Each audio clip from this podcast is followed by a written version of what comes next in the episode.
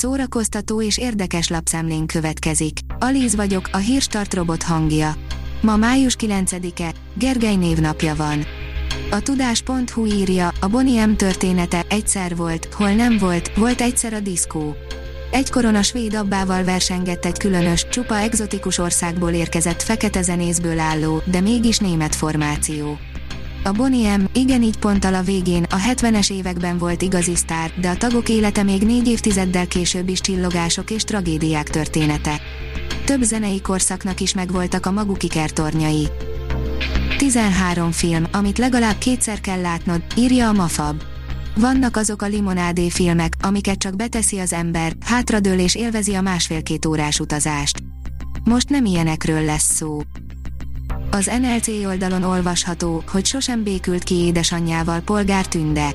Tünde évtizedeken át tervezte, hogy kibékül édesanyjával, ám Vera asszony meghalt, így már nem kerülhet sor a nagy beszélgetésre.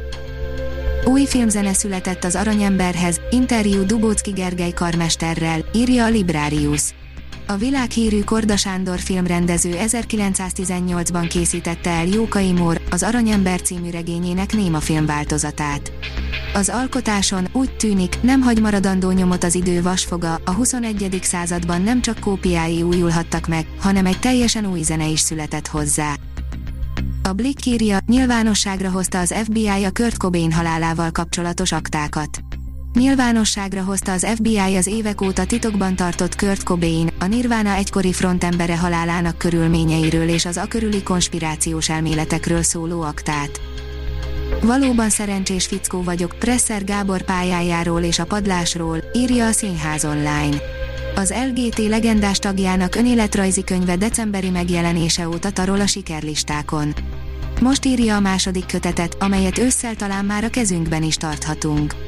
Presser Gábor zeneszerző énekest, a Vígszínház zenei vezetőjét Koroncai Lilla kérdezte a nők lapjában. Az Origo oldalon olvasható, hogy harca használt óvszerért. Szadista közönség siker, Kenny fődíjas szexbotrány, Oscar díjas fajtalankodás. Szex és film 2017-ben.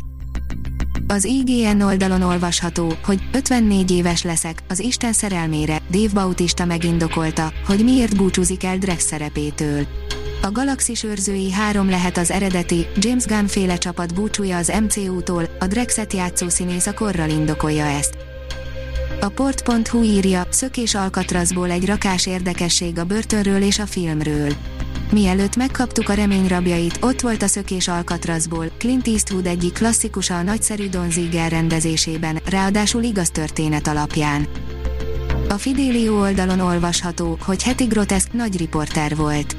A Fidelio videósorozatában vasárnaponként Koltai Róbert olvas fel egyet Gellért András napjaink problémáit optimista derűvel és tűpontosan megragadó, groteszk novellái közül.